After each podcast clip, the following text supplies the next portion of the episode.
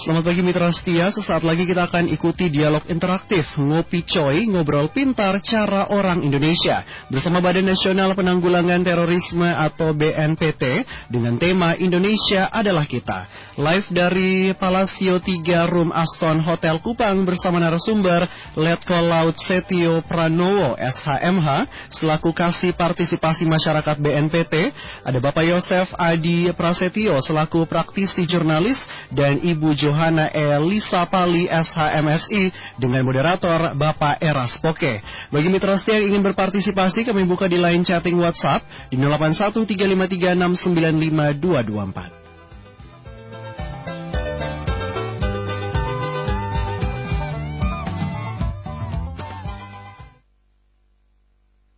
Kami banggakan, kami cintai Ketua FKPT beserta seluruh pengurusnya. Terima kasih atas kehadirannya karena ini adalah pertama kali kegiatan saat COVID dilaksanakan di minggu ini.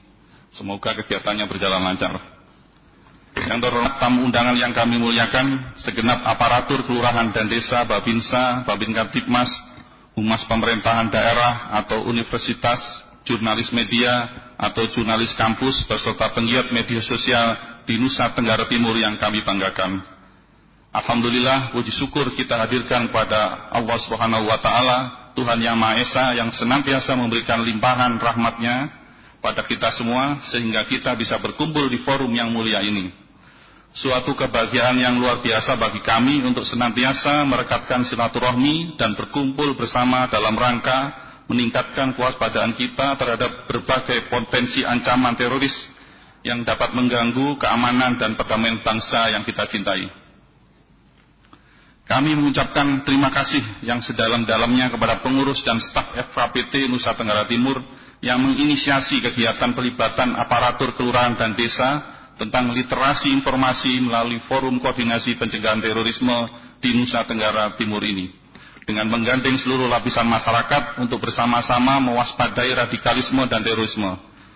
Ucapan terima kasih juga kami sampaikan ke pihak-pihak yang turut berperan sehingga kegiatan ini bisa terlaksana dengan baik. Aksi terorisme menjadi ancaman nyata bagi keutuhan negara kesatuan Republik Indonesia.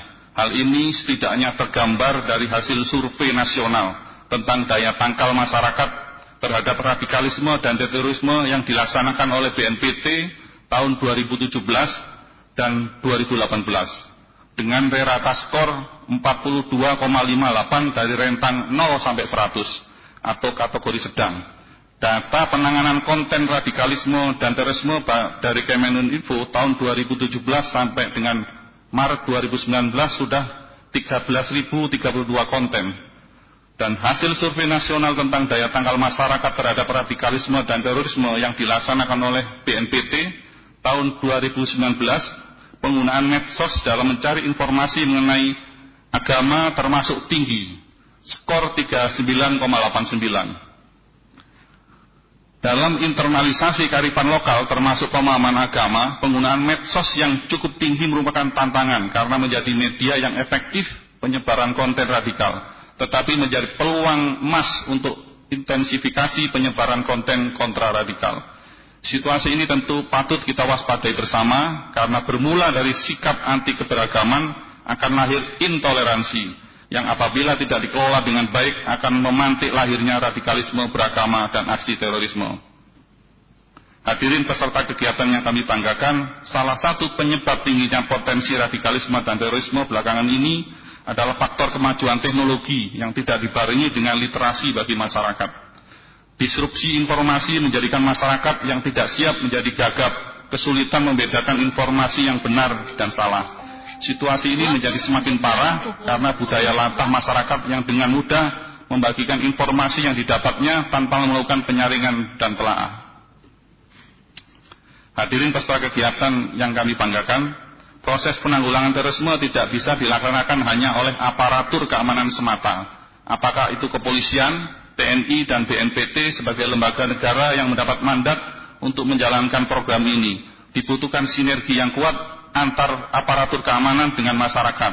Karena bahaya terorisme menyasar tanpa memandang pangkat, jabatan, dan status sosial. Dalam konteks inilah pelibatan aparatur kelurahan dan desa beserta Babinsa, Babinka Tikmas, Humas, dan penggiat media massa dan media sosial di Kupang ini menjadi sangat vital.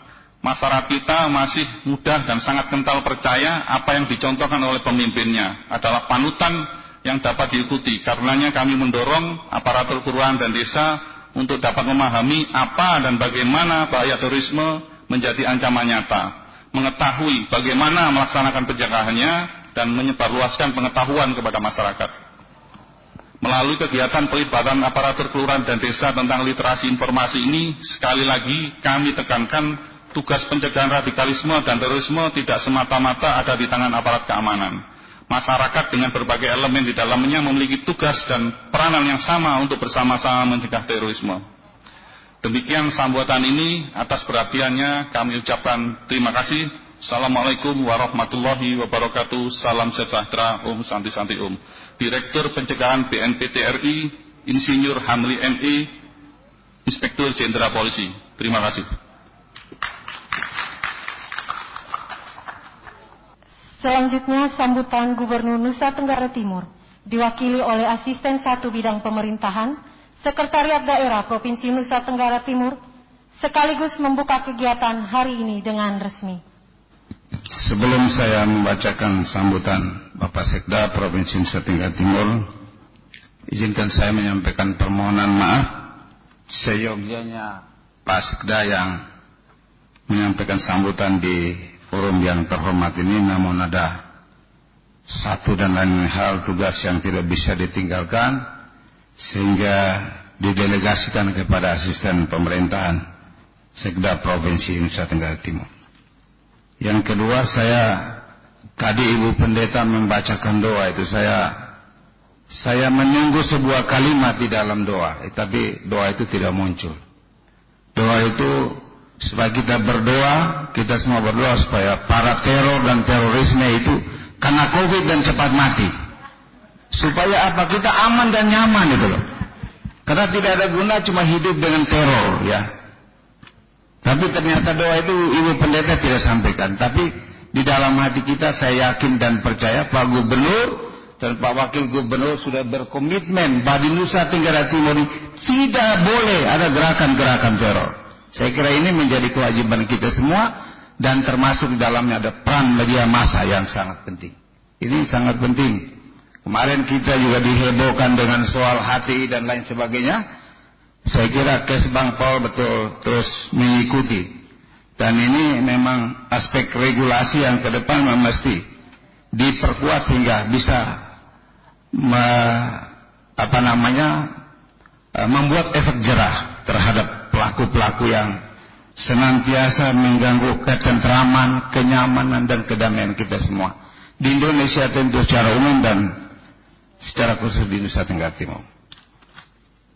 Pertama saya ingin menyampaikan rasa hormat kepada para pejabat BNPT pusat yang sudah berkenan hadir untuk memberikan materi dan juga narasumber. Terima kasih.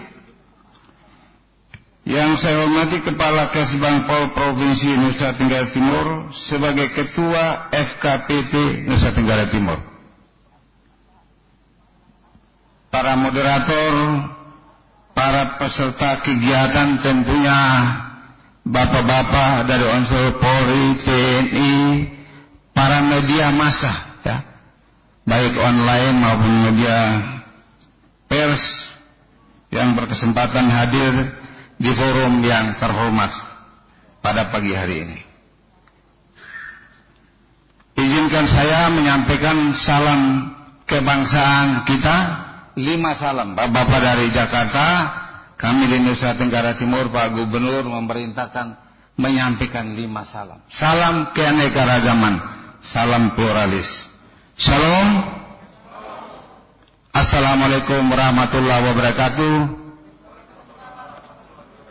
Salve. Om Swastiastu. Namo Buddhaya. Salam kebajikan.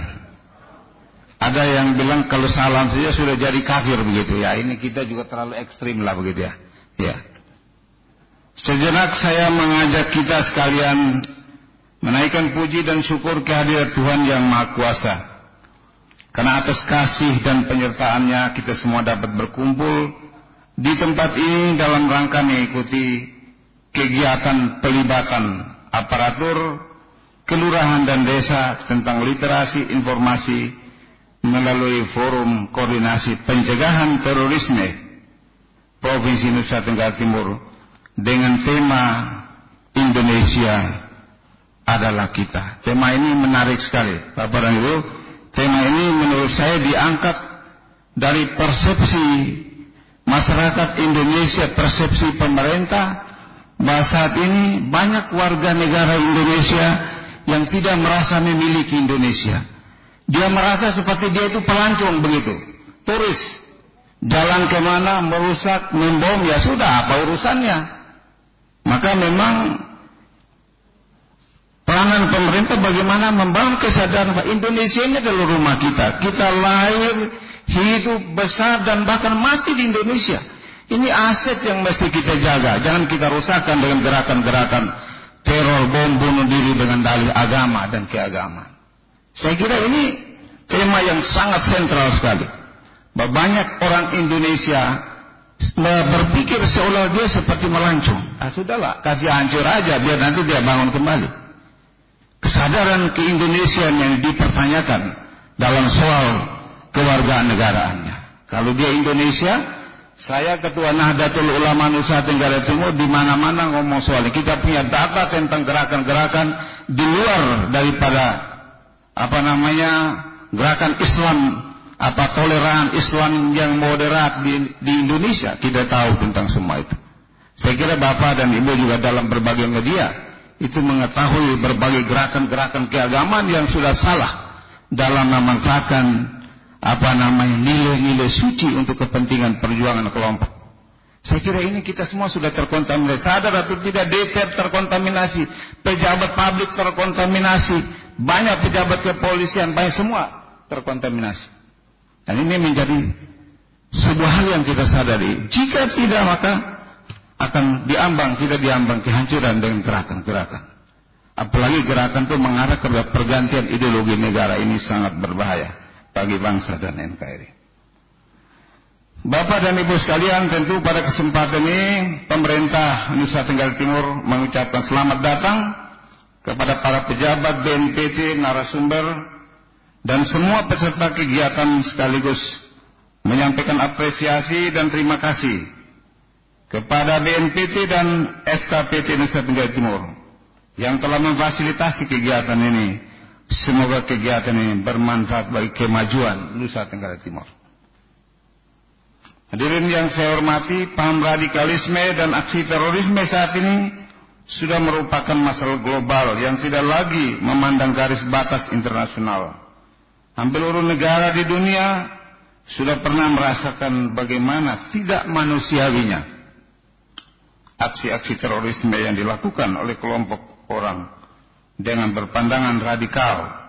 Terorisme merupakan kejahatan luar biasa yang memerlukan keterlibatan semua pihak termasuk media pers, perguruan tinggi, tokoh agama dan seluruh kita harus bisa berperan termasuk media. Ini sangat penting. Penelitian terakhir juga menunjukkan bahwa gerakan-gerakan terorisme, gerakan-gerakan pikiran-pikiran radikal juga banyak dalam muncul dalam perguruan-perguruan tinggi. Tetapi catatannya mereka perguruan tinggi mahasiswa-mahasiswa yang eksata, bukan mahasiswa sosial.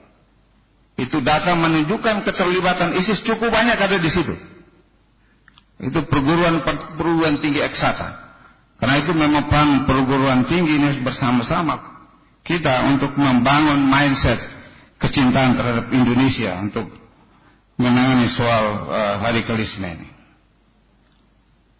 Paham radik uh, akhir-akhir ini kita dihadapkan dengan munculnya paham radikalisme dan gerakan-gerakan massa yang dilatar belakangi oleh pandangan radikal serta aksi-aksi terorisme maraknya aksi kelompok radikal yang berujung pada aksi terorisme secara langsung maupun tidak telah menimbulkan keresahan dan kenyamanan di tengah masyarakat.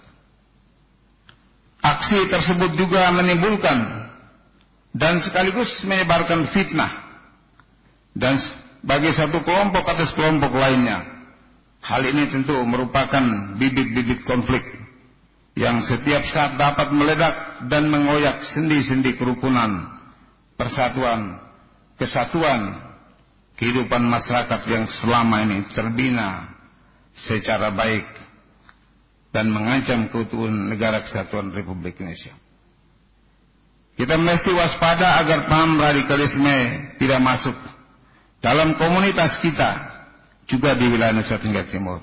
Bapak Gubernur dalam berbagai kesempatan tidak menginginkan gerakan-gerakan radikalisme muncul di Nusa Tenggara Timur. Dalam konteks tersebut semua komponen bangsa memiliki tanggung jawab yang sama untuk menjaga kedamaian dan keutuhan negara kesatuan Republik Indonesia dari segala bentuk ancaman. Oleh karena itu pencegahan terhadap perkembangan paham radikalis, radikal teroris merupakan satu keniscayaan yang dilakukan dengan mengandalkan kekuatan-kekuatan yang ada di dalam masyarakat. Dengan demikian tanggung jawab pencegahan terhadap aksi kelompok radikal teroris tidak hanya menjadi tanggung jawab pemerintah semata, melainkan seluruh komponen bangsa. Hadirin yang saya hormati, hasil survei nasional efektivitas kearifan lokal dalam menangkal radikalisme di era milenial yang dilaksanakan Badan Penanggulangan Terorisme tahun 2009 menggambarkan potensi radikalisme masyarakat berada pada posisi sedang menuju kuat.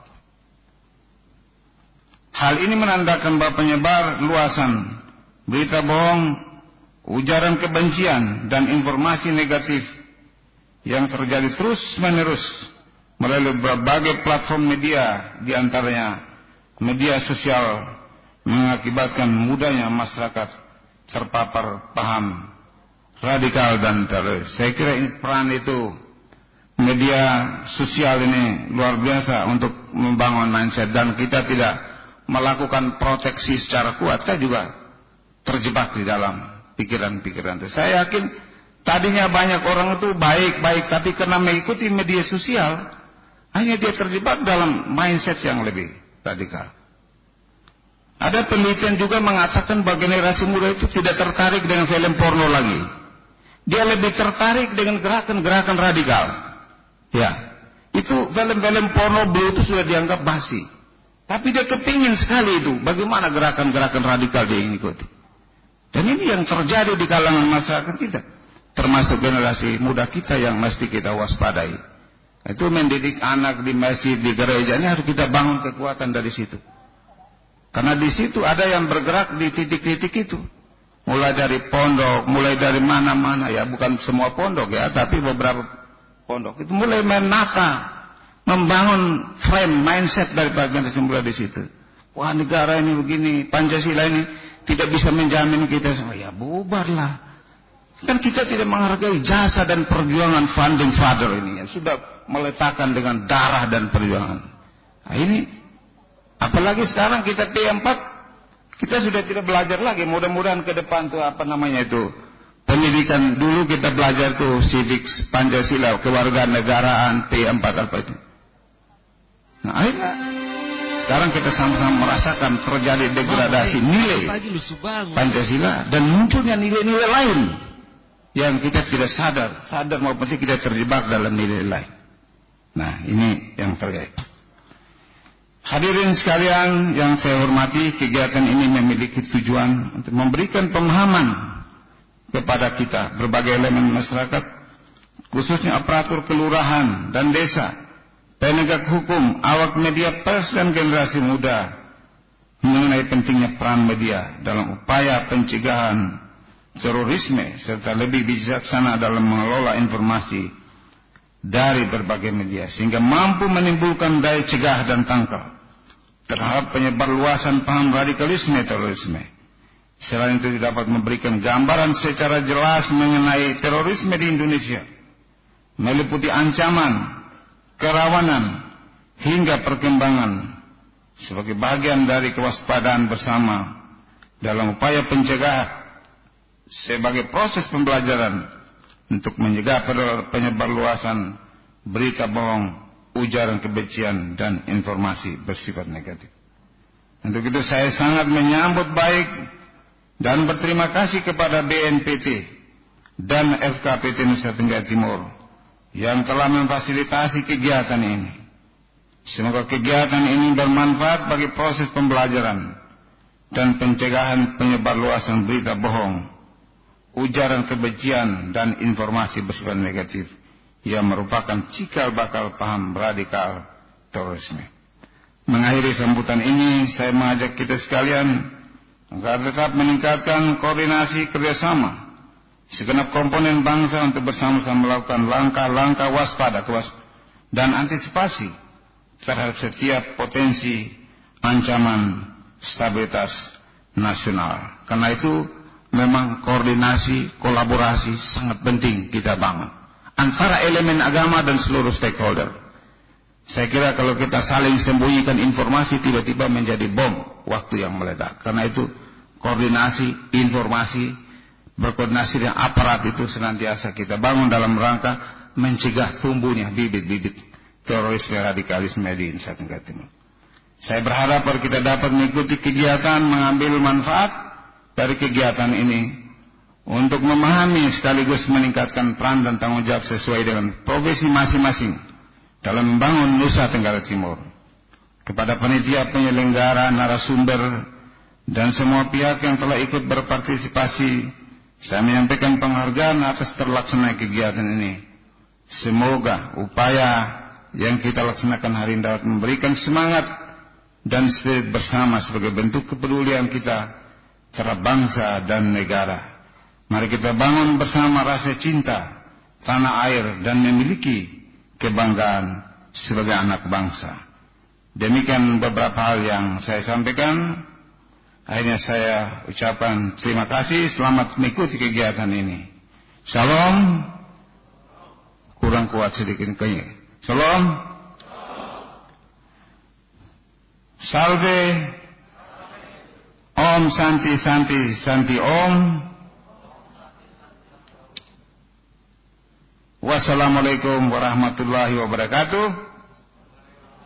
Semoga Tuhan memberkati kita semua. Sekian dan terima kasih.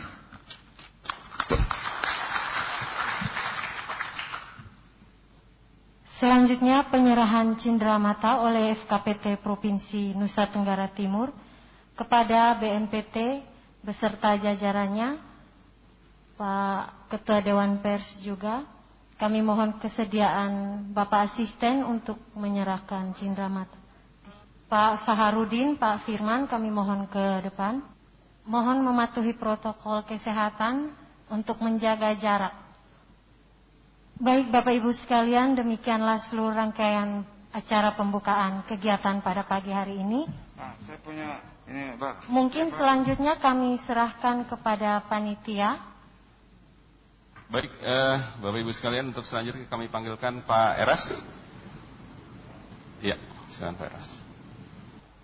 Baik, selamat pagi buat kita semua dan juga Bapak Ibu narasumber.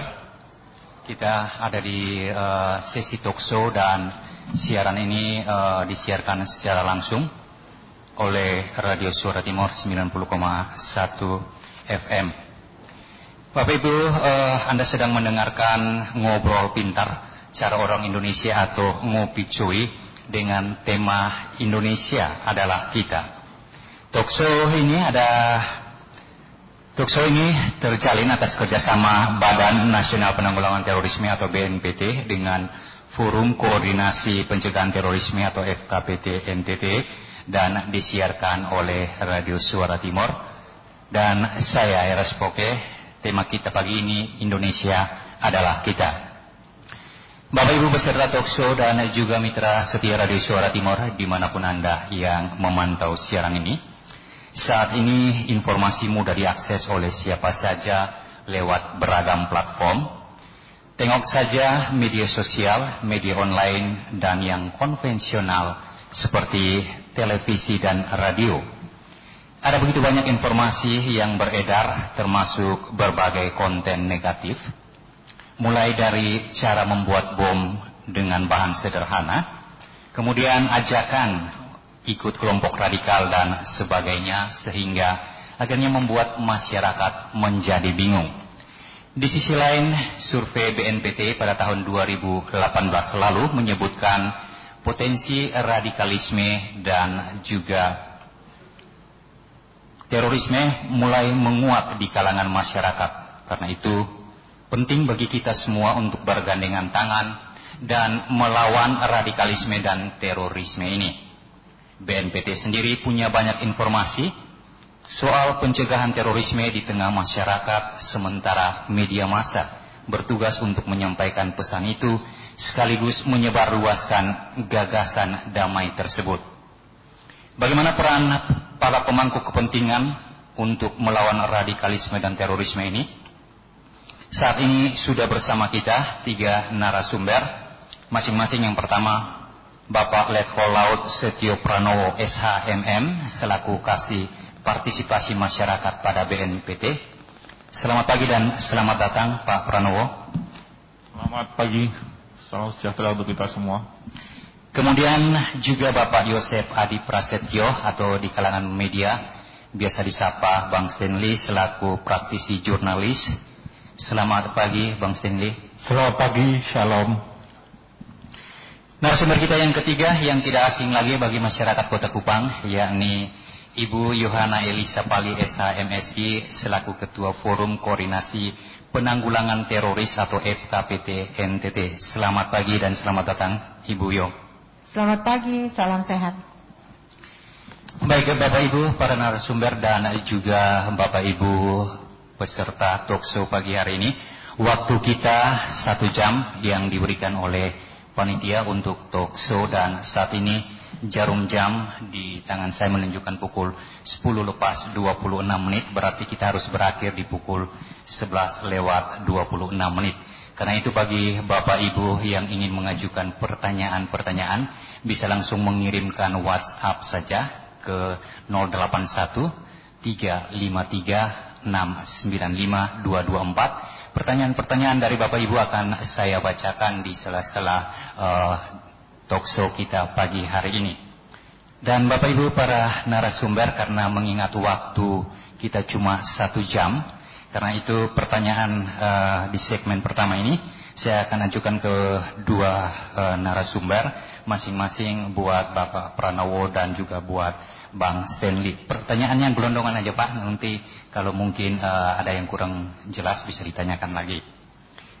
Uh, buat Pak Pranowo, radikalisme dan terorisme, apa yang membedakan dari keduanya? Pertanyaan kedua, bagaimana BNPT melihat penyebar luasan konten negatif yang bisa berujung pada sikap radikal ataupun aksi teroris? Dan pertanyaan ketiga, mana yang lebih diwaspadai oleh BNPT, media sosial maupun media konvensional? Silakan Pak, waktunya 7 menit. Terima kasih moderator. Alhamdulillah ini mohon izin Pak Stanley, Ibu, Yo.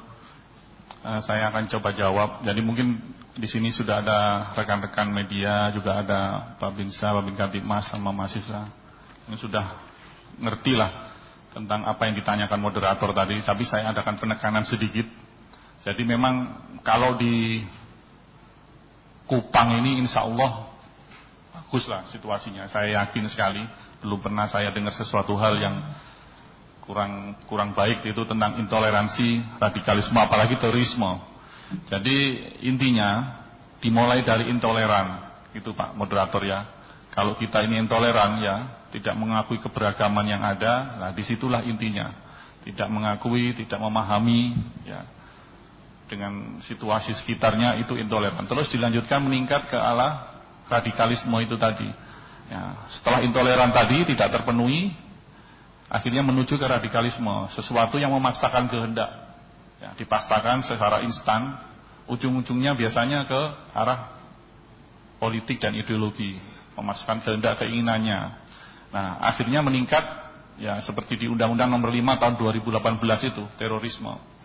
Ya, suatu perbuatan yang menimbulkan rasa takut, ya, menimbulkan ancaman untuk orang banyak berakibat pada objek vital nasional, dapat mengurangi korban yang banyak juga, ya, berhubungan dengan apa namanya ideologi, keamanan dan politik, ya itu sudah. Dulu Dulu definisi itu banyak sekali Pak Moderator, tetapi dengan Undang-Undang Nomor 5 tahun 2018 nanti bisa di searching di situ, yang di situlah definisi yang diakui oleh negara kita. Jadi seperti itu.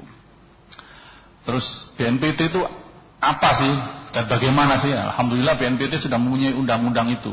Jadi BNPT itu berdiri ya sudah sesuai dengan undang-undang sehingga sudah kuat landasan hukumnya. Alhamdulillah.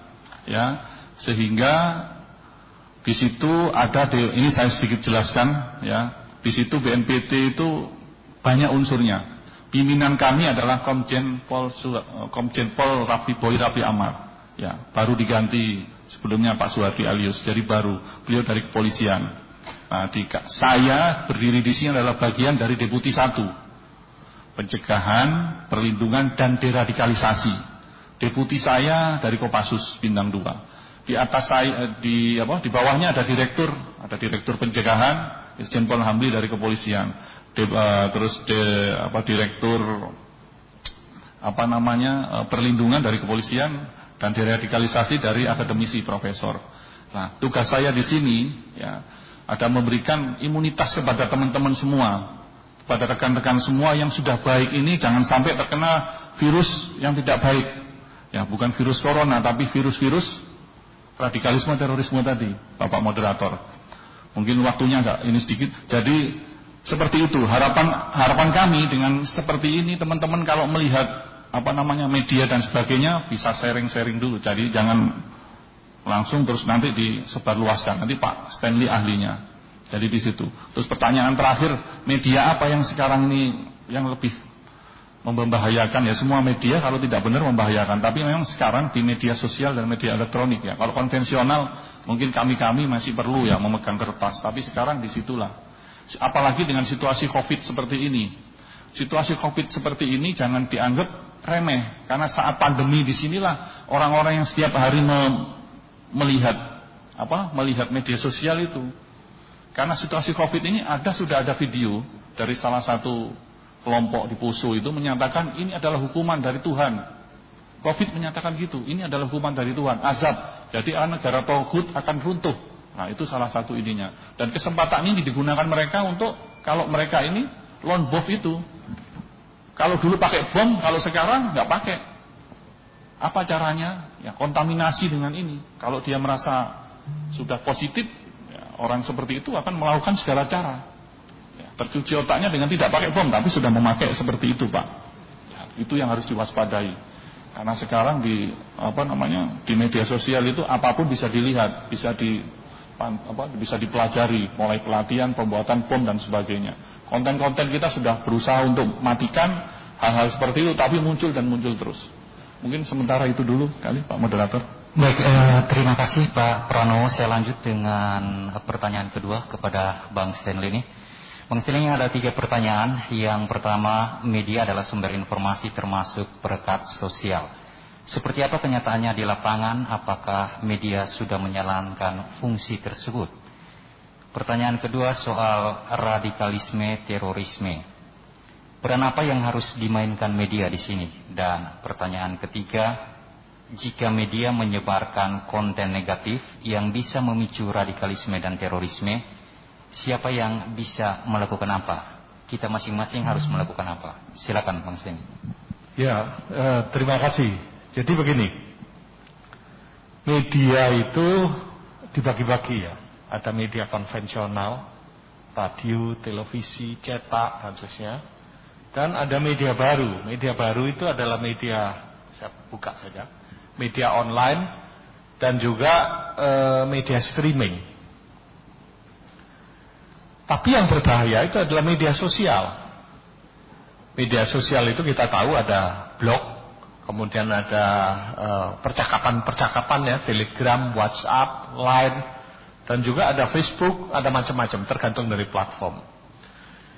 Perbedaan antara media sosial dan media media yang kita sebut media, itu media itu di, ada badan hukumnya. Dia harus tunduk kepada undang-undang pers Orang yang membuat berita itu harus bagian dari profesi wartawan yang terikat kepada kode etik jurnalistik. Dia tidak boleh menulis semena-mena. Kalau ada kesalahan, bisa dilakukan pelaporan. Pelaporan bisa disampaikan kepada Dewan Pers. Yang jadi pertanyaan bagaimana dengan media sosial? Media sosial yang membuat berita siapa saja, termasuk kita, ya, termasuk anda semua yang ada di ruangan ini. Apa yang ada di perasaan ditulis saja disebarkan, padahal itu bisa diakses oleh orang seluruh dunia. Nah, yang jadi pertanyaan, kalau media cetak itu tunduk kepada kode etik jurnalistik tunduk kepada undang-undang pers. Tidak boleh menfitnah orang, mencaci maki orang, ya, mengambil gambar orang kemudian ditulis macam-macam tidak boleh. Dia harus melakukan tiga hal yang berlaku di dalam eh, kerja-kerja jurnalistik: verifikasi, klarifikasi, ya, konfirmasi. Tiga pekerjaan besar wartawan yang harus dilakukan. Nah, dalam media pers sebetulnya sejak 2015 berlaku yang namanya pedoman peliputan terorisme. Kalau meliput kasus-kasus terkait dengan terorisme tidak boleh seenaknya. Tidak boleh ada korban misalnya e, bom tamrin ya di Sarinah itu. Jadi pelaku bom bunuh diri ini mencoba menyasar pos polisi di depannya Starbucks gitu. Meledak bomnya, korbannya adalah dua anggota Polantas yang ngepost di pos polisi. Nah kalau itu difoto tengah berdarah begini ya, serpian-serpian paku dan susnya menancap, itu kemudian akan memberikan efek bahwa teroris berhasil menyasar aparat kepolisian. Tidak boleh. Karena kalau pesan begini, ini adalah amplifikasi terhadap tindak terorisme. Ya. Atau ketika ada seorang tersangka teroris yang memakai bom bunuh diri di dalam ransel itu dan dipinggang, diledakan, terbelah itu. Ya, dadanya terlempar, bagian kakinya terpisah di tempat yang lain diambil fotonya. Boleh tidak? Tidak boleh. Karena ini sadis. Nah, media yang ada di bawah badan hukum tidak boleh memberitakan yang begitu-begitu. Yang jadi pertanyaan bagaimana media sosial?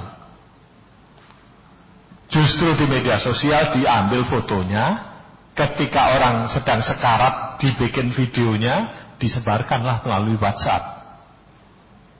Yang jadi pertanyaan, bagaimana membereskan yang media sosial ini? Media sosial sebetulnya tidak di bawah undang-undang pers. Dia ada di bawah undang-undang ITE dan KUHP.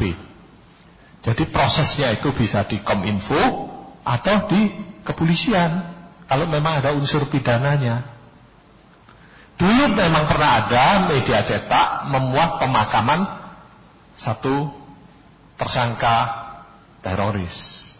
Ketika dimasuk ke liang lahat diberitakan tercium harum wangi bunga.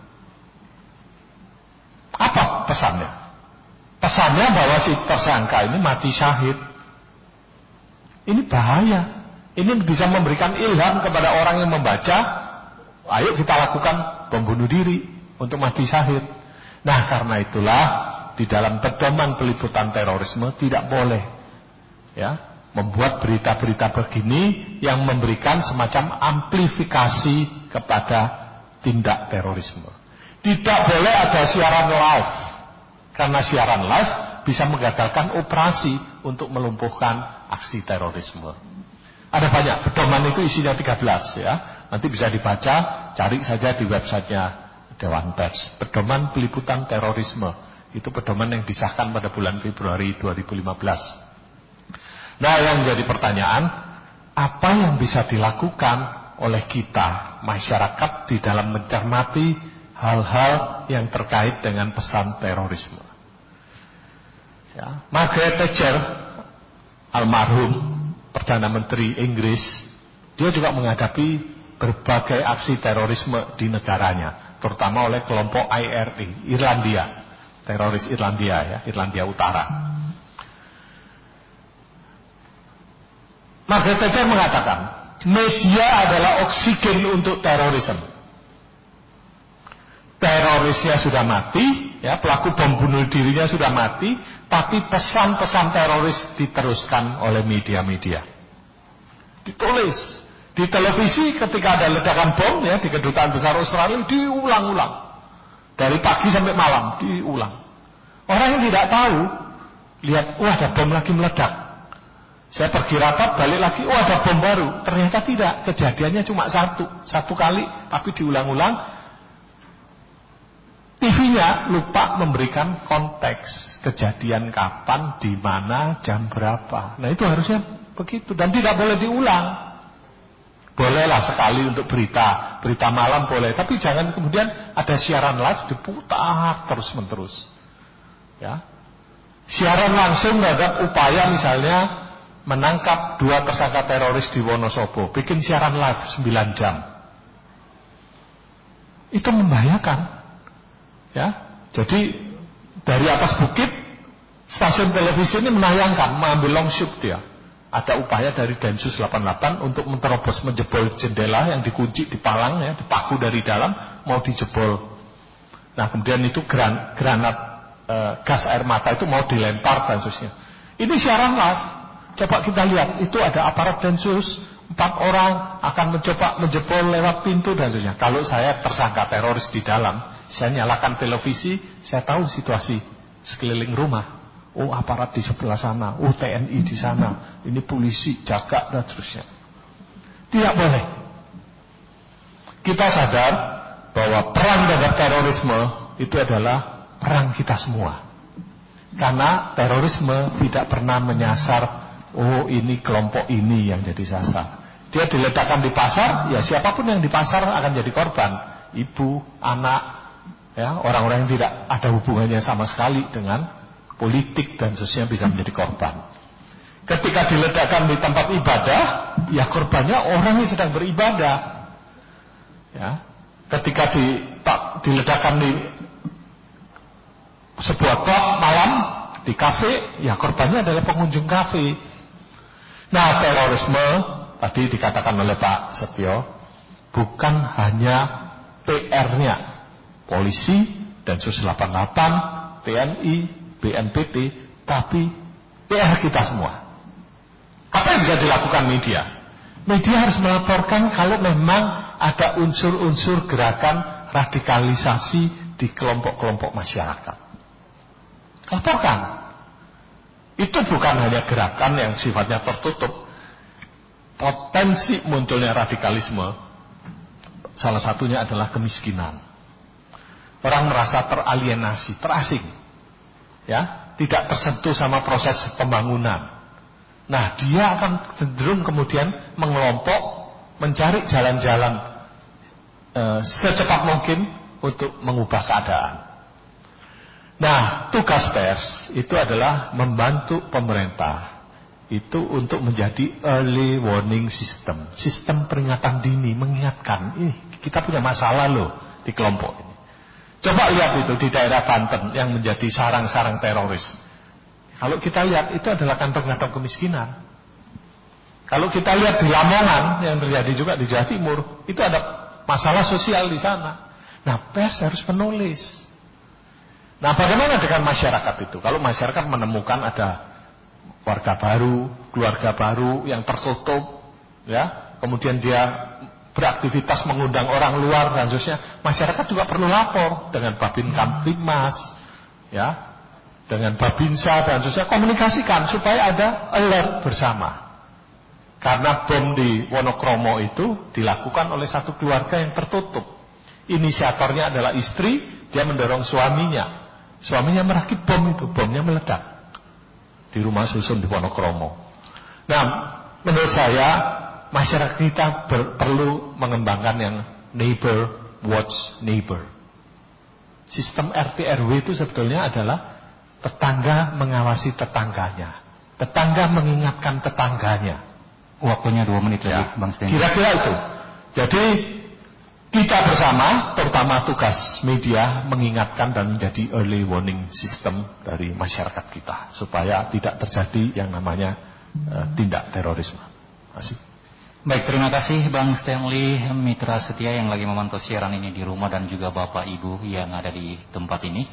Anda bisa menyampaikan pertanyaan-pertanyaannya sekali lagi lewat WhatsApp di nomor 081 353 695 224. Pertanyaan-pertanyaan yang masuk akan langsung saya bacakan kepada para narasumber karena waktu kita hanya satu jam.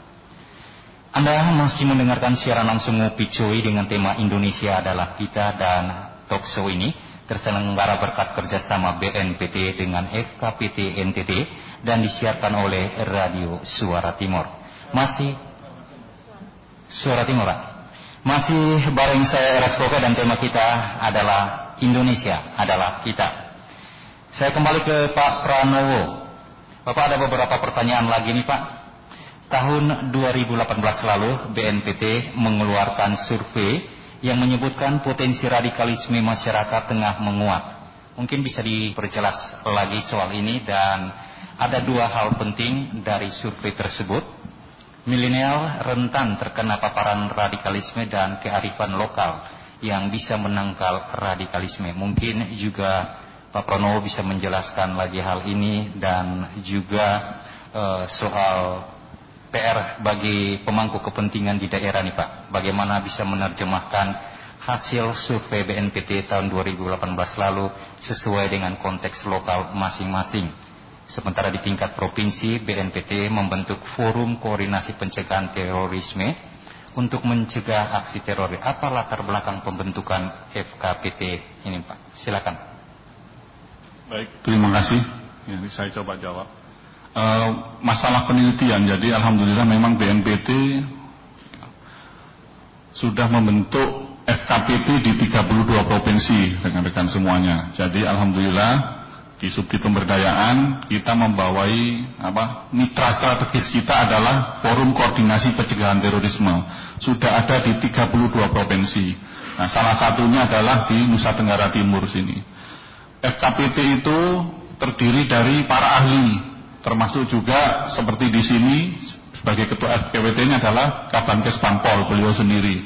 Ada juga dari tokoh agama, tokoh masyarakat, akademisi, dan beliau-beliau ini sudah firm di bidangnya untuk penangkalan radikalisme terorisme. Itu yang ingin saya sampaikan. Jadi kalau seandainya rekan-rekan di instansinya membutuhkan narasumber, tidak usah jauh-jauh Pak Moderator untuk mencari dari Jakarta. Jadi tinggal menghubungi beliau sudah ahli di bidangnya. Jadi kita sudah mengadakan rakornas, rakornas dan ada pembekalan. Dan insya Allah sudah siap untuk menjadi narasumber. Itu yang ingin saya sampaikan. Di FKPT ini kita perlukan eh, di dalamnya ada kepala bidang masing-masing seperti yang sekarang ada bidang media, ada juga bidang pemuda, ada juga eh, bidang perempuan dan anak, terus juga ada eh, bidang pemuda. Nah, salah satunya adalah penelitian. Nah, penelitian dan dilakukan oleh BNPT ini 2017, 2018 tadi sudah disampaikan oleh Bapak Direktur Pencegahan. Reratannya adalah rerata sedang menuju ke tinggi, 50 sedang menuju tinggi 60. Alhamdulillah hasil penelitian 2019 turun menjadi 36. Ini kenapa? Karena penekanan kearifan lokal. Ya, kearifan lokal di kita ini ya daya tanggalnya di situ. Apa sih kearifan lokal itu? Ya gotong royong dan sebagainya, siskamling ditingkatkan. Itu yang membuat apa namanya eh, daya tangkal terhadap radikalisme terorisme. Itu yang ingin saya sampaikan. Jadi seperti itu. Terus selanjutnya apa lagi ya? Saya tadi lupa itu pertanyaannya. Eh, soal survei tadi Pak. Iya, sudah sudah survei tadi. Ah, Dan eh, bagaimana eh, Oh ya, kenapa bentuk FKPT itu latar belakangnya? Jadi BNPT ini tidak ada cabang. Ya, jadi kalau ada dibilang BNPT ada yang belum sampai sekarang mohon doanya nanti mungkin ke depan ada. Ya, sekarang di daerah ini ya 32 provinsi ini dan di 32 ini di tempat kita juga ada namanya Peace Ambassador duta damai yang dilakukan oleh kontra propaganda sudah ada di 13 provinsi. Ini adalah influencer-influencer, anak-anak muda yang memahami tentang literasi media. Ini panglima perang kita. Kalau mereka-mereka baser-baser kelompok itu membuat 10, harapan kita anak-anak muda ini ya bersama FKPT membuat lebih dari itu untuk menangkal ini. Gitu loh. Karena sekarang ini Situasinya seperti itu ngeri kalau saya berbicara sekarang ini. Seperti yang dikatakan oleh beliau tadi, kejadian di Surabaya. Seorang ibu, ya, ini mohon maaf ini agak sedikit tanda kutip ya, mungkin bagaimana perempuan sekarang menjadi sudah tidak lagi menjadi subside, uh, tidak lagi menjadi orang kedua, tapi sudah menjadi bomber sebagai pelaku utama. Itu perempuan. Ya, kalau dulu mungkin dia hanya membagikan logistik, mendukung dari belakang. Tapi sekarang enggak. Mohon maaf ini ibu-ibu perempuan. Jadi sekarang berbahaya juga seperti itu. Dulu di Surabaya itu yang satu keluarga, awalnya suaminya. Suaminya mengajak istrinya. Istrinya itu sekarang lebih kuat daripada suaminya. Itu kejadian di Sibolga, sama persis. Akhirnya mengajar kepada anaknya. Anaknya ngebom di tiga. Akhirnya bersamaan ngebom. Saya merinding kalau cerita tentang itu. Itu yang terjadi. Jadi ketahanan keluarga nomor satu Bapak Ibu. Jangan sampai itu tidak dilaksanakan. Jadi seperti itu. Jadi FKPT ini berdiri salah satunya itu di daerah-daerah untuk mengembangkan itu, mengembangkan daya tangkal dan pencegahan itu. Terima kasih. Baik eh, Pak Pranowo, saya langsung saja menyampaikan satu pertanyaan lagi yang masuk melalui pesan WhatsApp ini. Eh, pemilik nomor 983 bertanya soal awal mula munculnya radikalisme dan terorisme dan eh, yang radikal itu pikirannya atau orangnya. Mungkin bisa dijelaskan. Mantap sekali ini. Bagus banget ini pertanyaannya. Terima kasih diingatkan. Jadi gini, eh, radikal terorisme itu radikal itu kan macam-macam ya. Bisa sebetulnya bisa positif ya. Kalau kita radikal yang positif, tapi radikal yang negatif yang saya katakan tadi, ya ingin mengubah sesuatu secara instan, secara tiba-tiba ingin mengubah ideologi. Nah, orang terkena atau bahasa kerennya sekarang terpapar itu tidak hanya dari sisi action perbuatan, tapi dari sisi pemikiran sudah bisa dikatakan seperti itu. Ini Pak Stanley ini sudah tahu betul ini bagaimana beliau apa apa namanya di ya mohon maaf ya di instansi saya TNI ini ada TNI, ada kepolisian, ada PNS. Jangan berpikir tidak kena. Sekali lagi jangan berpikir. Udah ada contoh PNS, lulusan APDN yang sehari lima kali hormat bendera kena. Udah yang namanya Yudi Sulfahri. Saya sering berdiskusi dengan bagaimana Mas Yudi bisa kena, padahal di APDN tiap hari menghormat bendera. Iya Pak, saya di situ diajari, tapi saya tiba-tiba ngaji sama seseorang, mohon maaf ini, ngaji seseorang yang salah. Nah, akhirnya dia kepingin menjadi lebih ini, menjadi ini, akhirnya dia ikut pelatihan di Junto, akhirnya keluar dari PNS. Itu PNS. Polisi, banyak Pak. Jangan dipikir tidak. Polisi, uh, teman saya yang bersama-sama belajar apa memberikan pelatihan juga memberikan pencegahan seperti ini. Ada juga itu tentara, ada juga yang dipusul seperti itu. Jangan dipikir sekarang. Sekarang ini yang menjadi tren adalah PNS PNS ini banyak Ibu di mana-mana. Jadi kita harus berhati-hati lah. Sekali lagi dari sisi pemikiran, sikap dilanjutkan dengan perbuatan. Nah, jadi kalau sudah pemikiran kena, ya tugas saya ini memberikan imunitas ini. Terus akhirnya ditunjukkan dengan sikap. Sikapnya bagaimana? Mungkin kalau sudah ada teman di daerah merayakan ini, wah jangan kamu ikut di situ, dia merayakan Natal. Kamu jangan ikut kegiatan itu, itu kegiatannya orang Islam. Nah seperti itu. Jadi seperti itu. Lanjut dengan perbuatan apa yang dilakukan? Yang ngebom, yang saya katakan di awal tadi, situasi COVID ini ini bisa dijadikan ujian atau dia persiapan perang atau dia ini memang ya itu tadi amaliyah itu Pak Jangan dipikir ini enteng-enteng, mungkin di daerah sini nggak ada masalah ya. Tapi di tempat lain bisa seperti itu. Begitu Pak, moderator singkatnya. Baik, terima kasih Pak Pranowo. Nah, saya lanjut kepada Ibu Yohana. Mungkin bisa dijelaskan apa peran dan fungsi dari FKPT dan bagaimana cara FKPT mencegah aksi teror. Pertanyaan kedua, hingga saat ini FKPT ini sudah ada di provinsi mana saja nih Bu? Silakan. Iya, eh, seperti disampaikan Pak Pranowo bahwa sudah 32 provinsi ini yang terbentuk FKPT-nya sudah dibentuk oleh BNPT dan NTT itu eh, tahun 2015 ya Pak Pranowo ya uh, sejak ini apa namanya BNPT-nya 2010 ya. Jadi lima tahun setelah terbentuk maka ini NTT sudah ada keberadaan FKPT. Kalau kita ini apa namanya kepanjangan forum koordinasi pencegahan terorisme. Sehingga memang peran kita itu yang terutama itu dua.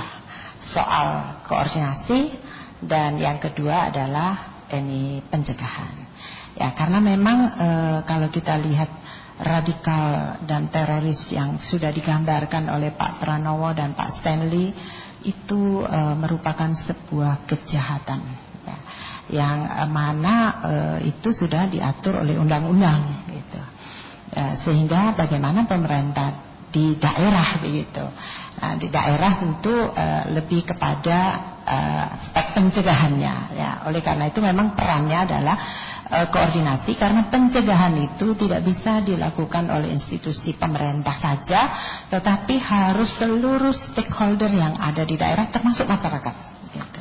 Ya, sehingga ini koordinasinya adalah ini BNPT itu uh, apa namanya uh, peran sehingga dari peran itu e, maka fungsi FKPT itu wadah partisipasi masyarakat. Tadi disampaikan kalau ada hal yang ditemui masyarakat dan saya bersyukur pada kesempatan ini e, bisa kita ngobrol coy ini didengar oleh seluruh mitra setia radio Suara Timur. Ya, sehingga masyarakat kalau ada mengetahui terkait dengan adanya apa namanya indikasi kegiatan-kegiatan ya e, radikal teroris itu uh, ke FKPT untuk apa kemudian uh, apa memberikan informasi karena memang kita adalah wadah partisipasi uh, masyarakat di daerah dalam kaitan dengan pencegahan ini terorisme begitu. Sehingga nanti kita juga akan melakukan koordinasi dengan APH aparat penegak hukum dan semua terkait yang ada untuk bisa ini apa tertangani itu ya karena memang masing-masing punya punya peran dan fungsinya begitu. Uh, yang kemudian uh, kita memang mitra mitra BNPT yang tadi dibentuk oleh BNPT uh, terus membangun uh, sinergitas dalam menjalankan ini program dan kegiatan seperti saat ini. Nah, ini maka kerjasama adalah BNPT dan FKPT uh, ini apa namanya dengan tema Indonesia ini adalah kita, adalah kita uh, dalam bentuk ini ngobrol pintar cara orang Indonesia atau ngopi coy begitu ya. Memang memang di dalam uh, pencegahan itu uh, kita harus punya ide-ide kreatif gitu ya uh, untuk bisa mengkanter ini gitu. Ya, ini ini yang ini apa dibuat uh, oleh BNPT dengan seluruh FKPT yang sudah dibentuk itu selalu ini apa namanya bekerja sama dilakukan ini apa pengkajian penelitian dan kemudian uh, muncullah program-program yang yang uh, tentu disesuaikan dengan kondisi kekinian gitu. Karena uh, memang mereka ini juga orang bukan orang-orang biasa juga ya gitu. Orang-orang yang pemikirannya juga ini apa namanya ya boleh dikatakan cerdas begitu. Nah, oleh karena itu kita juga harus uh, ini apa namanya uh, melawannya dengan ini cara-cara yang cerdas juga begitu. Nah, oleh karena itu uh, tadi disampaikan kira-kira cara atau apa dalam aksi teror itu macam-macam. Ya, yang pertama memang kaitan dengan pemikiran, maka pemahaman itu menjadi penting. Nah, pemahaman itu ya tentu dengan sosialisasi. Tapi sosialisasinya model seperti apa kita punya model-model. Antara lain ya seperti ini untuk bisa masyarakat memahami betapa bahayanya begitu dan kemudian bagaimana membangun koordinasi untuk ini pencegahannya. Uh, kita juga melakukan ini ini dialog ya rembuk. Uh, kemudian uh, juga ada lomba-lomba begitu ya lomba-lomba dan karena sekarang ini memang media menjadi apa namanya sasaran bagi semua maka kita juga ini membuat ini apa namanya lomba dalam kaitan pembuatan ini video gitu ya. Kemudian penguatan terhadap ini orang-orang yang menjadi apa namanya kunci begitu ya. E, karena e, aksi ini kadang-kadang dipakai misalnya agama dipakai begitu. Padahal ya, semua agama baik ya yang ada di Indonesia yang kita yakini lima itu semuanya ini. Tetapi kadang-kadang dipakai itu sehingga maka ya harus ada penguatan terhadap penyuluh agama. Penguatan kepada aparatur kelurahan seperti sekarang dengan ini apa desa karena tadi Pak Pranowo bilang bukan tidak mungkin eh, apa namanya bisa terpapar ini aparat, kemudian ini kita pegawai, ya begitu, dan juga yang lainnya. Kemudian e, juga kita penguatan terhadap perempuan. Nah tadi apa disampaikan bahwa sebetulnya ini apa dari keluarga itu menjadi penting. Maka bagaimana penguatan ini terhadap ini perempuan itu yang dilakukan. Kemudian guru pendidikan agama itu menjadi penting supaya yang diajarkan yang di, ada di pikiran kita semua ini adalah yang benar gitu bukan yang kemudian di apa namanya diplesetkan kemudian menjadi uh, negatif begitu uh, literasi informasi uh, literasi digital itu juga apa namanya uh, bagian dari cara-cara yang dilakukan. Dan kemudian uh, kita juga membantu karena BNPT ini selalu melakukan uh, setiap akan memunculkan program dan kegiatan itu dilakukan kajian dan penelitian. Dan survei untuk pemahamannya tingkat pemahaman dan seterusnya itu uh, data informasi itu diperoleh dari uh, kerjasama dengan FKPT sehingga dari itu kemudian digodok dikaji uh, menghasilkan ini sebuah ini konsep-konsep yang kemudian ditindaklanjuti. Dan itu semua didesiminasikan. Itu bentuk-bentuk ini yang yang dilakukan begitu. Jadi saya bersyukur sekali uh, kami uh, FKPT ini sudah uh, periode ketiga ya Pak saya kepemimpinan saya 2020-2022 karena uh, apa masa ininya dua-dua tahun ya. Uh, 2015 juga ini sama Pak Kepala Badan Kesbangpol ya. Ini Ibu kebetulan Ibu juga. Dan kemudian di periode keduanya beliau juga. Terus kemudian karena memang hanya dua periode maka kemudian uh, apa diganti oleh saya dan demikian juga dengan ini apa anggota-anggotanya uh, bidang-bidangnya kita ada empat uh, empat bidang juga dari apa uh, akademisi tokoh-tokoh itu tokoh apa masyarakat juga ada terlibat salah satunya dalam kegiatan ini bidang humas tadi Pak ILO, Pak Immanuel Loja, jadi singkatannya ILO begitu Pak. Beliau adalah ini di Aji ya. ya. Uh, beliau ini apa salah satu pengurus atau ketua pengurus haji. Pengurus haji Nusa Tenggara senior, ya. Nusa Tenggara Timur wartawan senior. Nah ini uh, tadi apa ulang-ulang disampaikan bahwa media ini menjadi apa sarana yang penting untuk kita bisa menyebar luaskan kepada semua orang bahwa uh, apa namanya ya jangan sampai kita terpapar gitu radikal. Karena uh, pasti itu tidak baik dan dan apa uh, ya pasti ada hukumannya kalau kita berani-berani begitu ya itu. Oleh oleh karena itu melalui kesempatan ini tentu saya ini apa mohon dukungan dan kerjasama dari seluruh masyarakat Nusa Tenggara Timur. Kami juga eh, ini tentu berkolaborasi. Kebetulan saya juga orang Pemda ya. Dan Pak Hud tadi Pak Asisten juga menyampaikan Pak Gubernur dengan Pak Wakil Gubernur tegas menyatakan bahwa tidak boleh ada ini apa namanya radikalisme dan terorisme di Nusa Tenggara Timur. Barangkali itu ini.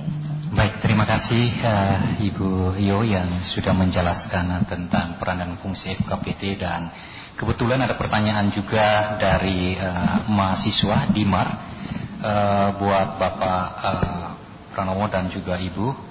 Realitas menunjukkan bahwa media dibanjiri dengan ideologi fundamentalis yang tampil dengan desain menarik dan itu berhasil mempengaruhi kaum milenial.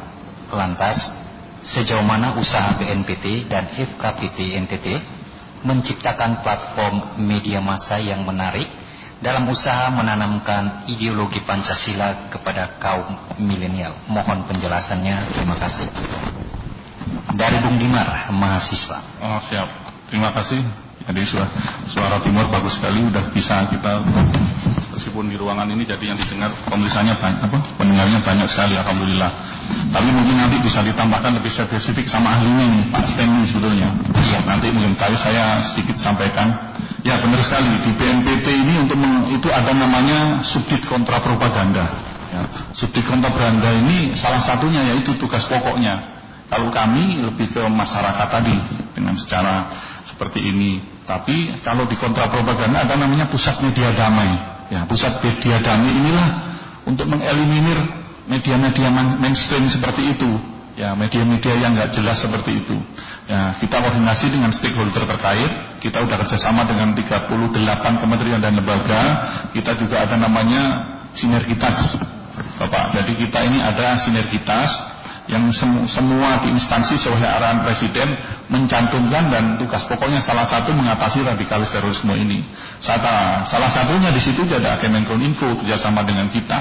Nah itu kita kerjasama supaya nanti kalau terjadi hal-hal ya media-media yang nggak benar ya sudah kita sampaikan ke beliaunya karena ini dari apa saya lihat sudah ada bulan April itu ada 88 juta konten yang bermasalah gitu dari infonya. Kalau nggak salah saya tadi nyatet di apa dari BSSM ada April itu sudah ada 88 juta serangan cyber.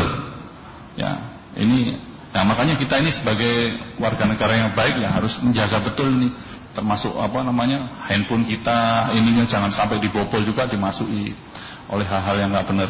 Jadi itu BNPT kerjasama kita membuat konten-konten yang positif di media damai, ada jalan damai, ada kita juga ada sendiri. Bisa dilihat di bawah itu ada namanya FKPT Center, bisa diklik aja dibuka muncul semua gitu.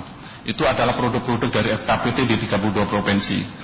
Jadi kembali lagi itu untuk apa? Untuk melawan mereka itu. Jangan dikira mereka ada keluar berita ini nggak bergerak mereka pak. Di mana-mana mereka muncul. Jadi kita kalau nggak melawan dengan itu sekarang nggak bisa kalah kita. Kita. Mungkin gitu nanti ditambahkan dengan Ibu sama Pak Sandy. Terima kasih.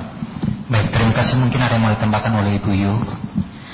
Iya, baik. Saya uh, mengapresiasi BNPT ya, cara pikir BNPT. Uh, eh, kemarin ketika saya dilantikan kemudian ikut apa uh, kegiatan rakor ya uh, disampaikan memang di dalam keberadaan kepengurusan FKPT itu uh, apa namanya ini terdiri dari berbagai tokoh uh, kalangan masyarakat begitu ya. Uh, tetapi uh, kemudian uh, untuk ketuanya itu ini diharapkan begitu ya, tidak tidak tidak sebuah apa keharusan gitu. Diharapkan itu adalah uh, kepala badan Kesbangpol begitu. Karena uh, memang ini lebih apa ya? Ini kerjasama koordinasinya karena tadi itu ya, kita tidak bisa bekerja sendiri begitu tapi harus apa namanya uh, kolaborasi dengan seluruh ne, ini pihak. Nah uh, terkait dengan tadi yang uh, media kami juga bekerja sama dengan Kominfo setempat di sini. Dan perangkat-perangkat daerah itu ini kita mulai bangun itu kemudian untuk uh, media sosialnya itu kerjasama dengan uh, dinas kominfo untuk supaya ada bentuk-bentuk form-form yang uh, apa namanya uh, kemudian kita ciptakan dalam rangka mengkanter itu gitu. Uh, karena memang lewat media ini yang tadi disampaikan juga Pak Pranowo dan mungkin nanti diperjelas oleh Pak uh, Stanley memang ini sudah zamannya begitu. Ya sudah uh, zamannya apalagi terkait dengan anak-anak generasi muda kita. Ini kan anak-anak milenial ini ya, milenial yang mana itu menjadi sebuah ya kalau dibilang e, mereka bilang sebuah kebutuhan. Bahkan sekarang pun dengan kondisi yang Covid ini kan harus tidak mau tidak mau mereka menggunakan media.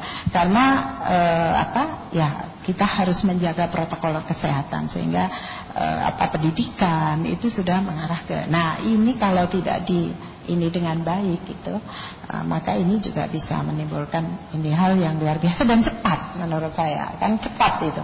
Beda dengan yang cara-cara konvensional itu uh, itu agak lama. Tapi ini kan sekarang kita sekarang begini aja semua sudah tahu nih bahwa ada kegiatan literasi informasi begitu. Nah itu karena demikian ini. Ketika ada salah satu yang posting dan itu akan terus apa bisa di sebarluaskan. Uh, sebarluaskan. Itu itu yang kami lakukan. Baik terima kasih uh, Ibu Yo dan uh, Bang Stanley mungkin ada yang mau ditambahkan terkait dari pertanyaan dari Bung Dimar selaku mahasiswa. Uh, menciptakan platform media massa yang menarik dalam usaha menanamkan ideologi Pancasila kepada kaum milenial.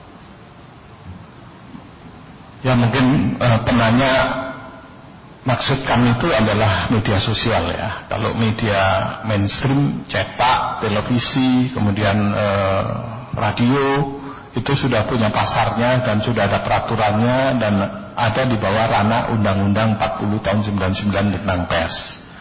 Ada MOU antara Dewan Pers dengan uh, Polri di dalam kasus-kasus terjadi penyalahgunaan kewenangan media kalau memang ada niat jahat atau ada unsur pidana akan ditangani oleh uh, penyidik Polri. Saya ingin menjawab bagaimana dengan media sosial. Media sosial itu tidak ada pilihan kecuali kita membajiri juga informasi itu dengan informasi-informasi yang baik. Nah, salah satunya adalah pusat media damai yang sering kali memberikan pesan-pesan sejuk begitu kepada masyarakat dan mengajak masyarakat untuk juga membuat pesan-pesan, ya. Kenapa? Karena banyak orang kalau begitu terkoneksi dengan internet, dia akan berhadapan dengan tsunami informasi. Informasi tidak ada lagi yang bisa dibedakan antara baik dan buruk, antara benar dan salah. Semuanya campur aduk di sana. Nah menjadi tugas kita semua untuk menyebarkan ide-ide dan virus-virus kebaikan ke internet. Supaya masyarakat yang terpapar dengan eh, hal-hal e, yang negatif juga akan terkompensasi dengan hal-hal yang positif ya. Kita perlu mengapresiasi eh, hal-hal yang dilakukan oleh teman-teman NU muda yang bikin NU online. Dia juga menyebarkan virus-virus positif untuk mencegah ekstremitas dan radikalitas ini ya. Nah Kenapa? Karena anak muda kita tidak lagi membaca koran, tidak lagi membaca majalah, tidak lagi membaca buku, bahkan tidak mendengarkan radio dan tidak menonton televisi. Mereka tontonannya dari YouTube semuanya. Informasi yang mereka dapatkan seluruhnya dari gadget, dari media sosial. Nah, ini berbeda dengan generasi-generasi sebelumnya ya, generasi X, generasi Y yang mungkin masih baca koran dan seterusnya. Nah, yang jadi pertanyaan siapa yang mengirimkan eh, bahan ke media sosial? Itulah yang kemudian di follower jadi jangan kaget kalau sekarang ini banyak orang ya ingin jadi bintang film. Dia bicara di depan uh, handphonenya, direkam, diupload. Orang banjir, ibu-ibu kan harusnya mengungsi menyelamatkan barang enggak, main TikTok. Ya, gerak kiri kanan kiri kanan diupload. Dan itu kemudian banyak di like sama orang. Nah itu kemudian ditiru karena banyak di like ya. Follower dari orang-orang yang melakukan itu juga muncul maka orang kemudian meniru oh ini yang diminati oleh masyarakat kita ya. Kalau tadinya itu adalah orang-orang inspirator itu adalah tokoh yang berhasil ya tokoh agama kiai mungkin pendeta pastor dan sebagainya. Sekarang tidak Orang-orang yang tidak jelas yang mengisi di ruang-ruang media sosial dan itu menjadi inspirator dan celakanya followernya banyak. Nah, tugas kita sekarang adalah menyadarkan melalui digital literasi, media literasi kepada anak-anak muda, teman-teman kita. Yuk kita memahami jagat maya yang masih antah berantah ini. Kira-kira itu. Baik, uh, masih lanjut nih, uh, Bung Stanley, pengalaman uh, bagaimana pengalaman Bapak apa peran yang dilakukan oleh Dewan Pers terhadap media terkait dukungan kepada pemerintah dalam pencegahan radikalisme di Indonesia? Kalau eh, kami dulu saya di Dewan Pers kami punya eh, MOU dengan eh, Polri, kami punya MOU dengan LPSK, kami punya banyak MOU dengan lembaga-lembaga yang lain, tapi di luar itu adalah Satker Dewan Pers itu ada di bawah Kominfo. Jadi kami pernah menemukan ada dua media, satu media yang dibuat di Suriah sana oleh kelompok ISIS, ya, namanya Dabik. ketika kami temukan itu, kami koordinasi dengan teman-teman di BNPT, teman BNPT juga mengatakan ini harusnya diblokir. Kalau BNPT yang minta kepada Kominfo mungkin butuh proses, butuh surat dan seterusnya. Saya telepon saja Dirjen Aptika, saya katakan ini ada media diterbitkan di Suriah, kita cermati dari URL-nya Suriah itu. Minta supaya diblokir, langsung diblokir. Ada media juga yang diterbitkan oleh kelompok Marawi, namanya Al-Fatihin. Ketika bom Surabaya terjadi, kan ada satu keluarga itu, bapak, ibu, anak ya, anak itu ada dua anak laki-laki, dua anak perempuan, yang kemudian juga ikut melakukan bom diri. Itu Al-Fatihin menganjurkan kepada masyarakat Indonesia untuk meniru keluarga ini. Ya, karena keluarga ini diyakini dijemput oleh bidadari ketika meninggal dunia. Bahaya ini media seperti begini. Ditulisnya dalam bahasa Indonesia yang bagus.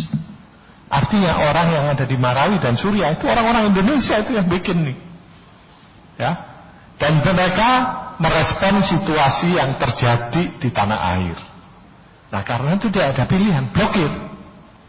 Karena apa? Karena sistem di eh, Dirjen Aptika Kominfo itu mereka punya cloud dan mesin pintar untuk melacak kalau itu perjudian, kalau itu penipuan, kalau itu pornografi, maka akan diblokir secara otomatis. Tapi yang begini-begini yang menyangkut radikalisme, ekstremitas, belum ada mesinnya. Kita harus merespon. Demikian juga kalau ada rekan-rekan semua yang melihat di Facebook, ya, di Twitter, di WhatsApp, di saja. Kalau itu teman kita ingatkan, tapi kalau orang yang tidak dikenal, kita unfriend, kita keluarkan mereka, laporkan kepada polisi atau kepada Kominfo. Caranya apa? Ada itu. Ada lapor di Kominfo, bisa diklik, nanti tinggal mengirimkan lewat email atau membuat linknya, mereka akan merespon. Di luar itu kalau ada hoax, ada pesan-pesan yang meragukan, ada caranya. Nanti akan saya sampaikan di sesi saya pada siang hari. Masih. Baik, terima kasih Bang Stanley Mitra Setia Radio Surat Timur di mana pun Anda yang memantau siaran ini, Bapak Ibu peserta talkshow. Anda masih mendengarkan siaran langsung Ngopi Cuy dengan tema Indonesia adalah kita dan masih bersama saya Bung Eras. Dan saya kembali ke Pak Pranowo, ada banyak pertanyaan lewat WhatsApp nih. Pak yang pertama dari uh, Bung Jewit Muni SIKOM, Humas dan juga penggiat uh, media sosial. Radikalisme merupakan lahirnya terorisme yang ingin saya tanyakan. Bisa sebutkan ciri-ciri paham radikalisme itu seperti apa? Kemudian dari uh, Lia yang ada di Oibobo, kenapa milenial menjadi sasaran kaum radikalisme dan terorisme? Apakah karena kemajuan teknologi salah satu alasannya?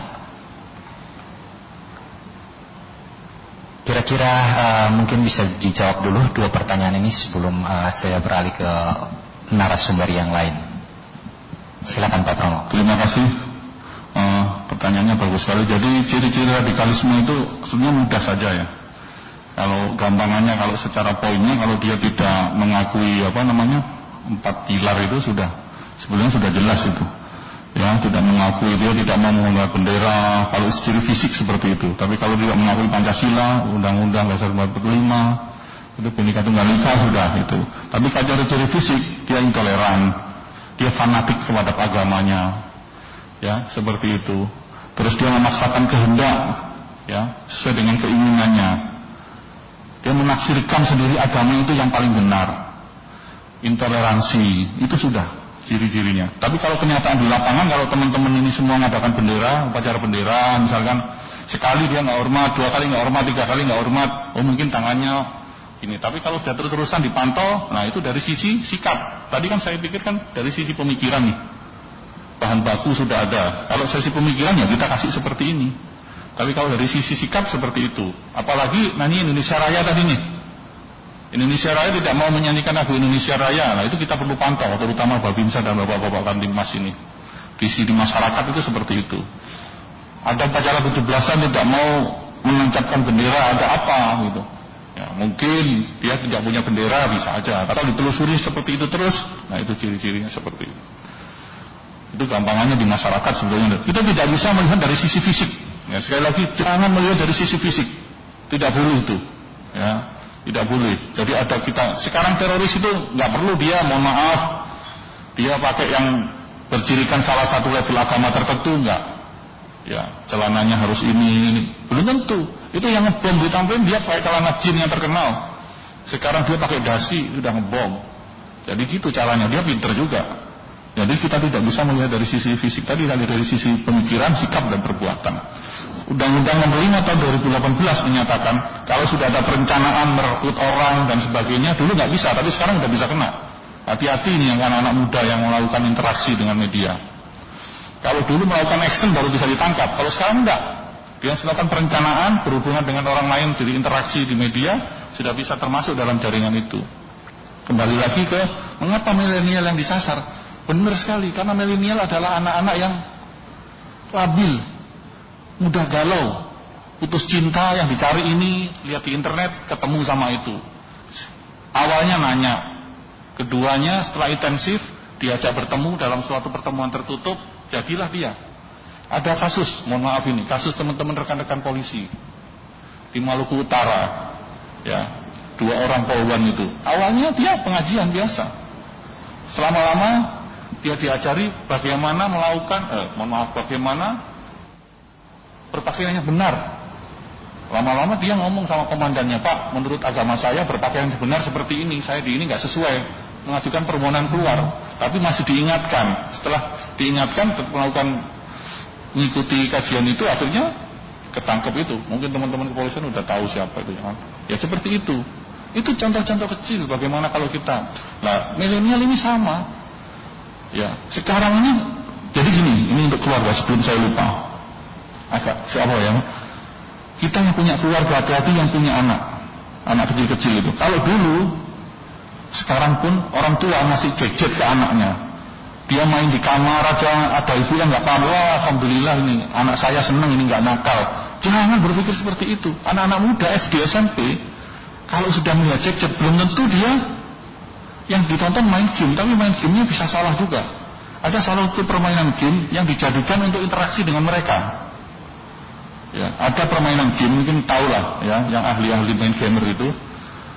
Dia misalkan 10 orang bisa koordinasi dengan mereka pada jam jam J tertentu dia melakukan pertemuan. Dia bisa video call, itu bisa, bisa dijadikan itu. Kalau dulu mereka lewat WA, lewat Telegram, lewat Facebook, takut terpantau. Sekarang lewat seperti itu, lewat permainan game, bisa terjadi. Dengan sandi-sandi tertentu, dia ngobrol nggak terlacak sama ini. Nah, itu makanya lah, anak-anak muda ini rentan sekali Pak, Bapak Ibu. Ah, anak muda ini sangat rentan. Sasarannya ada penelitian tentang itu dari apa? Dari Alfara Institute, ada mana kaum milenial ini disasar. Ya itu tadi, awalnya diajak seperti itu, lewat kalau dulu kan pertemuan fisik ini hawakoh pengajian sekarang lewat situ dia belajar dari salah satu mbah kalau saya sebut boleh nggak nih mbah Google, mbah Yahoo dia belajar yang tidak kafah, tidak sempurna harusnya ini dia belajar dari buku. Oh ini menurut-menurut akhirnya kepingin sempurna. Ya melakukan tindakan itu tercuci otaknya. Yang melakukan pengeboman di apa namanya di Marriott ya itu anak muda. Tercuci otaknya. Kalau ada videonya bisa disetel itu. Bagaimana dia senyum-senyum dia bilang di shooting ini adalah Eh, apa namanya ini apa namanya eh, fardu ain. Kalau fardu ain ini di agama Islam ada kewajiban untuk melakukan itu terus kenapa dia melakukan? Supaya ketemu 72 bidadari. Ada yang mau? Ya ketemu 72 nggak tahu di surga apa di neraka dia. Itu niatnya seperti itu. Dan itu bukan bunuh diri itu fardu ain dibilang itu. Itu ada videonya kalau di setel ya itu diambil sebelum dia melakukan bunuh diri. Dia sambil senyum-senyum bis e, sembilan hari kemudian melakukan bunuh diri. Mungkin itu. Terima kasih. Baik, eh, terima kasih Pak Pranowo dan eh, saya lanjut ke Ibu Yo. Ada pertanyaan lewat WhatsApp nih. Bagaimana FKPTI NTT melihat munculnya terorisme dan intoleransi di NTT dan sudah sejauh mana kajian dari FKPT NTT media online ini kini hanya mementingkan jumlah viewers daripada kualitas berita. Nah, bagaimana FKPT NTT menyikapi ini? Silakan Ibu. Ya, nah, uh, kami terus berkoordinasi ya dengan ini apa namanya uh, BNPT uh, terkait dengan uh, keberadaan ya tapi di daerah ini masing-masing. Memang uh, puji Tuhan seperti tadi disampaikan uh, di NTT uh, belum tidak terlalu apa ya keluar ya tapi kita juga harus waspada begitu jangan sampai ini ya ini. Senyap dulu gitu. Nanti ketika lengah baru. Nah oleh karena itu bukan berarti kita terus kemudian eh, apa namanya dalam kondisi seperti ini eh, kita diam-diam gitu ya. Tapi memang eh, kita terus melakukan upaya-upaya yang counternya itu ke positif gitu. Sifatnya ke lebih ke positif kalau dikatakan di FKBP ya itu ini media damai ya uh, tapi uh, yang digunakan memang ini saat ini hasil ini apa pengkajian dari penelitian dari BNPT itu memang ke arah ke media yang namanya media sosial ya Pak Stendia uh, kan itu. Nah memang kan beberapa ini sering mencuat ya, apa uh, ya pada saat pandemi juga ini apa di di NTT ada salah satu begitu ya yang radikal ini, ini yang mencuat. Padahal itu kan uh, apa namanya uh, pernah begitu pernah begitu. Uh, pernah dan dan memang kalau kita lihat pantauannya uh, masih tetap tetap begitu. Uh, tidak tidak tidak berkembang itu puji Tuhan gitu. Tapi tadi sekali lagi uh, saya ingin katakan dalam kondisi seperti ini kemudian kita tidak boleh uh, diam. Artinya berarti ada begitu ya, ya. Uh, apa ada upaya begitu ada upaya tapi tidak bisa belum bisa berkembang begitu di Nusa Tenggara Timur dan itu puji Tuhan uh, karena memang uh, di NTT ini ya termasuk ini apa daerah yang terus menjaga toleransi Pak ya. Bahkan ini tadi seperti disampaikan itu salah satu ini. Dan oleh karena itu kami terus mendukung pemerintah daerah untuk uh, kebetulan saya juga orang pemerintah daerah tapi juga adalah mitra BNPT ketua SKPT tentu SKPT mendukung itu untuk kemudian uh, apa bisa melakukan hal-hal yang positif yang bisa ini ini apa namanya uh, mengantar. Tapi uh, pada kondisi seperti ini saya belum bisa menyampaikan oh kondisinya uh, seperti ini gitu. Tapi uh, dari hal yang sudah ditemukan dan terima kasih ada masyarakat ya yang uh, sudah mulai berani pak itu untuk ini apa namanya membantu gitu ketika uh, menemui ada hal-hal yang dianggap ini tidak beres ini begitu. Uh, itu diinformasikan dan kemudian dengan koordinasi cepat itu bisa bisa ini. Tapi sepanjang ini pantauan kami dia dalam posisi tapi baru-baru juga ada di daerah ini ya, apa namanya Flores ya itu juga harus diantisipasi. Karena memang sekarang kan NTT ini sedang menggeliat. Nah apalagi seperti itu. Nah itu mulai. Dan kita ini posisi di daerah perbatasan. Nah itu tantangan. Kemudian kita daerah kepulauan itu juga merupakan ini tantangan yang harus diwaspadai. Bisa saja kita apa namanya kalau kita terlengah itu bisa ini. Oleh karena itu tetap itu yang yang yang kita lakukan. Tapi uh, tadi kalau ininya seberapa besar kajian sampai di mana itu uh, ya sepanjang kami uh, ini lihat dan setelah diketahui koordinasi itu uh, tidak tidak berkembang begitu.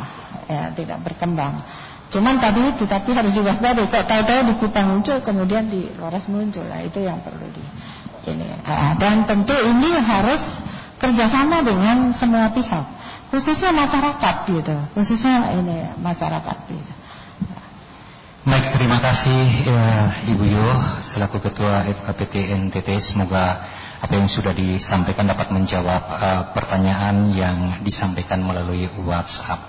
Bapak Ibu dan Mitra setia Radio Suara Timur di mana pun Anda yang memantau siaran ini Tidak terasa satu jam sudah kebersamaan kita dalam acara Ngopi Cuy Ngobrol Pintar Cara Orang Indonesia. Yang bertemakan Indonesia adalah kita. Sebelum kita mengakhiri talkshow siang hari ini kepada tiga narasumber Mungkin bisa menyampaikan pesan-pesan kepada Bapak Ibu yang ada di sini dan juga yang lagi mengikuti siaran ini melalui radio dan juga harapan serta himbauannya. Silakan. Mulai Bapak Stanley. Baik, terima kasih. Uh, para pendengar radio Suara Timur, kemudian eh, teman-teman uh, yang ada di ruangan ini ya, Bapak Ibu sekalian, saya kira kita melalui momen ini diingatkan bahwa terorisme itu tidak sepenuhnya mati. Terorisme sekarang sedang tidur. Bibit-bibit terorisme itu terus akan terjadi. Rekrutmen sekarang menggunakan yang namanya internet dan media sosial. Jadi kita harus mendalami betul yang namanya media sosial dan internet ini. Bijak-bijaklah menggunakan internet ini untuk kemaslahatan kemanusiaan dan untuk kemajuan bangsa dan negeri kita. Tapi bukan untuk hal-hal yang negatif. Barangkali itu saja dari saya. Terima kasih. Baik kita lanjut dengan eh, Pak Pranowo. Silakan Pak. Siap. Jadi saya berharap banyak ini dengan di NTT nanti kita ini tidak menjadi silent minority jadi katakan Ibu tadi memang kita harus sudah mulai ya itu tadi bersuara lewat media sosial untuk melawan mereka itu Pak. Jadi seperti itu. Kalau sekarang dengan BNPT, FKPT mudah, Alhamdulillah awareness sudah mulai.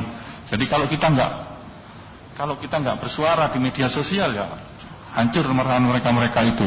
Kita nggak kepingin negara kita seperti di novel Ghost Fleet itu yang tidak tahu Indonesia itu mana. Karena apa? Karena kejadian seperti ini lama-lama nggak tahu. Jadi harapan saya rekan-rekan semuanya untuk lebih peka ya untuk peka terhadap itu tadi. Kita bersuara lah di media sosial. Terima kasih. Baik, uh, kita lanjut dengan Ibu Yo. Silakan. Uh, baik, ini satu hal yang uh, apa namanya tadi soal media sudah diangkat ya. Tapi ada satu yang kita apa namanya uh, sering selalu menyatakan bahwa uh, di tingkat bawah itu menjadi penting gitu ya. Uh, ini apa mitra sejati radio kaf, apa suara Kupang dengan Timur. Eh, suara Timur ya dan uh, sekarang ada suara Kupang juga ya ya. Dan semua yang ada di sini uh, begitu. Ini kan apa namanya dalam rangka literasi informasi uh, ya kita kurang peka terhadap uh, situasi di daerah wilayah kita masing-masing.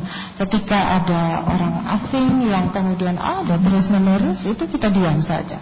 Tapi ternyata ada ini. Nah itu harus selalu diinformasikan kepada RT RW aparat penegak jika ditemukan hal-hal itu. Termasuk yang tadi media tadi. Ya, ini apa? Uh, dalam menggunakan media harus betul-betul dan intinya adalah kalau kita betul-betul menanamkan dan mengamalkan nilai-nilai Pancasila tadi apa empat pilar tadi wawasan kebangsaan Pancasila Undang-Undang Dasar 45 NKRI harga mati tidak boleh lain selain itu dan kemudian Bhinneka Tunggal Ika berarti toleransi jalan kan keberagaman kita mengakui itu maka semua itu bisa terlawankan begitu ya. Harapan uh, kita masyarakat NTT ini kan aman ya. Aman tentram dan damai. Kita nomor dua tak soal kerukunan di Indonesia dengan poin 80-an ke atas ya. Tapi jangan berbangga soal itu tapi yang lebih dipentingkan adalah betul-betul kualitasnya. Nah, mari kita jaga daerah kita, daerah NTT yang kita cintai bersama ini dengan tetap terus ini dan meyakini bahwa Pancasila adalah satu-satunya ideologi bangsa Indonesia. Tidak ada yang lain. Itu sudah teruji. Itu adalah pribadi kita seyakinnya.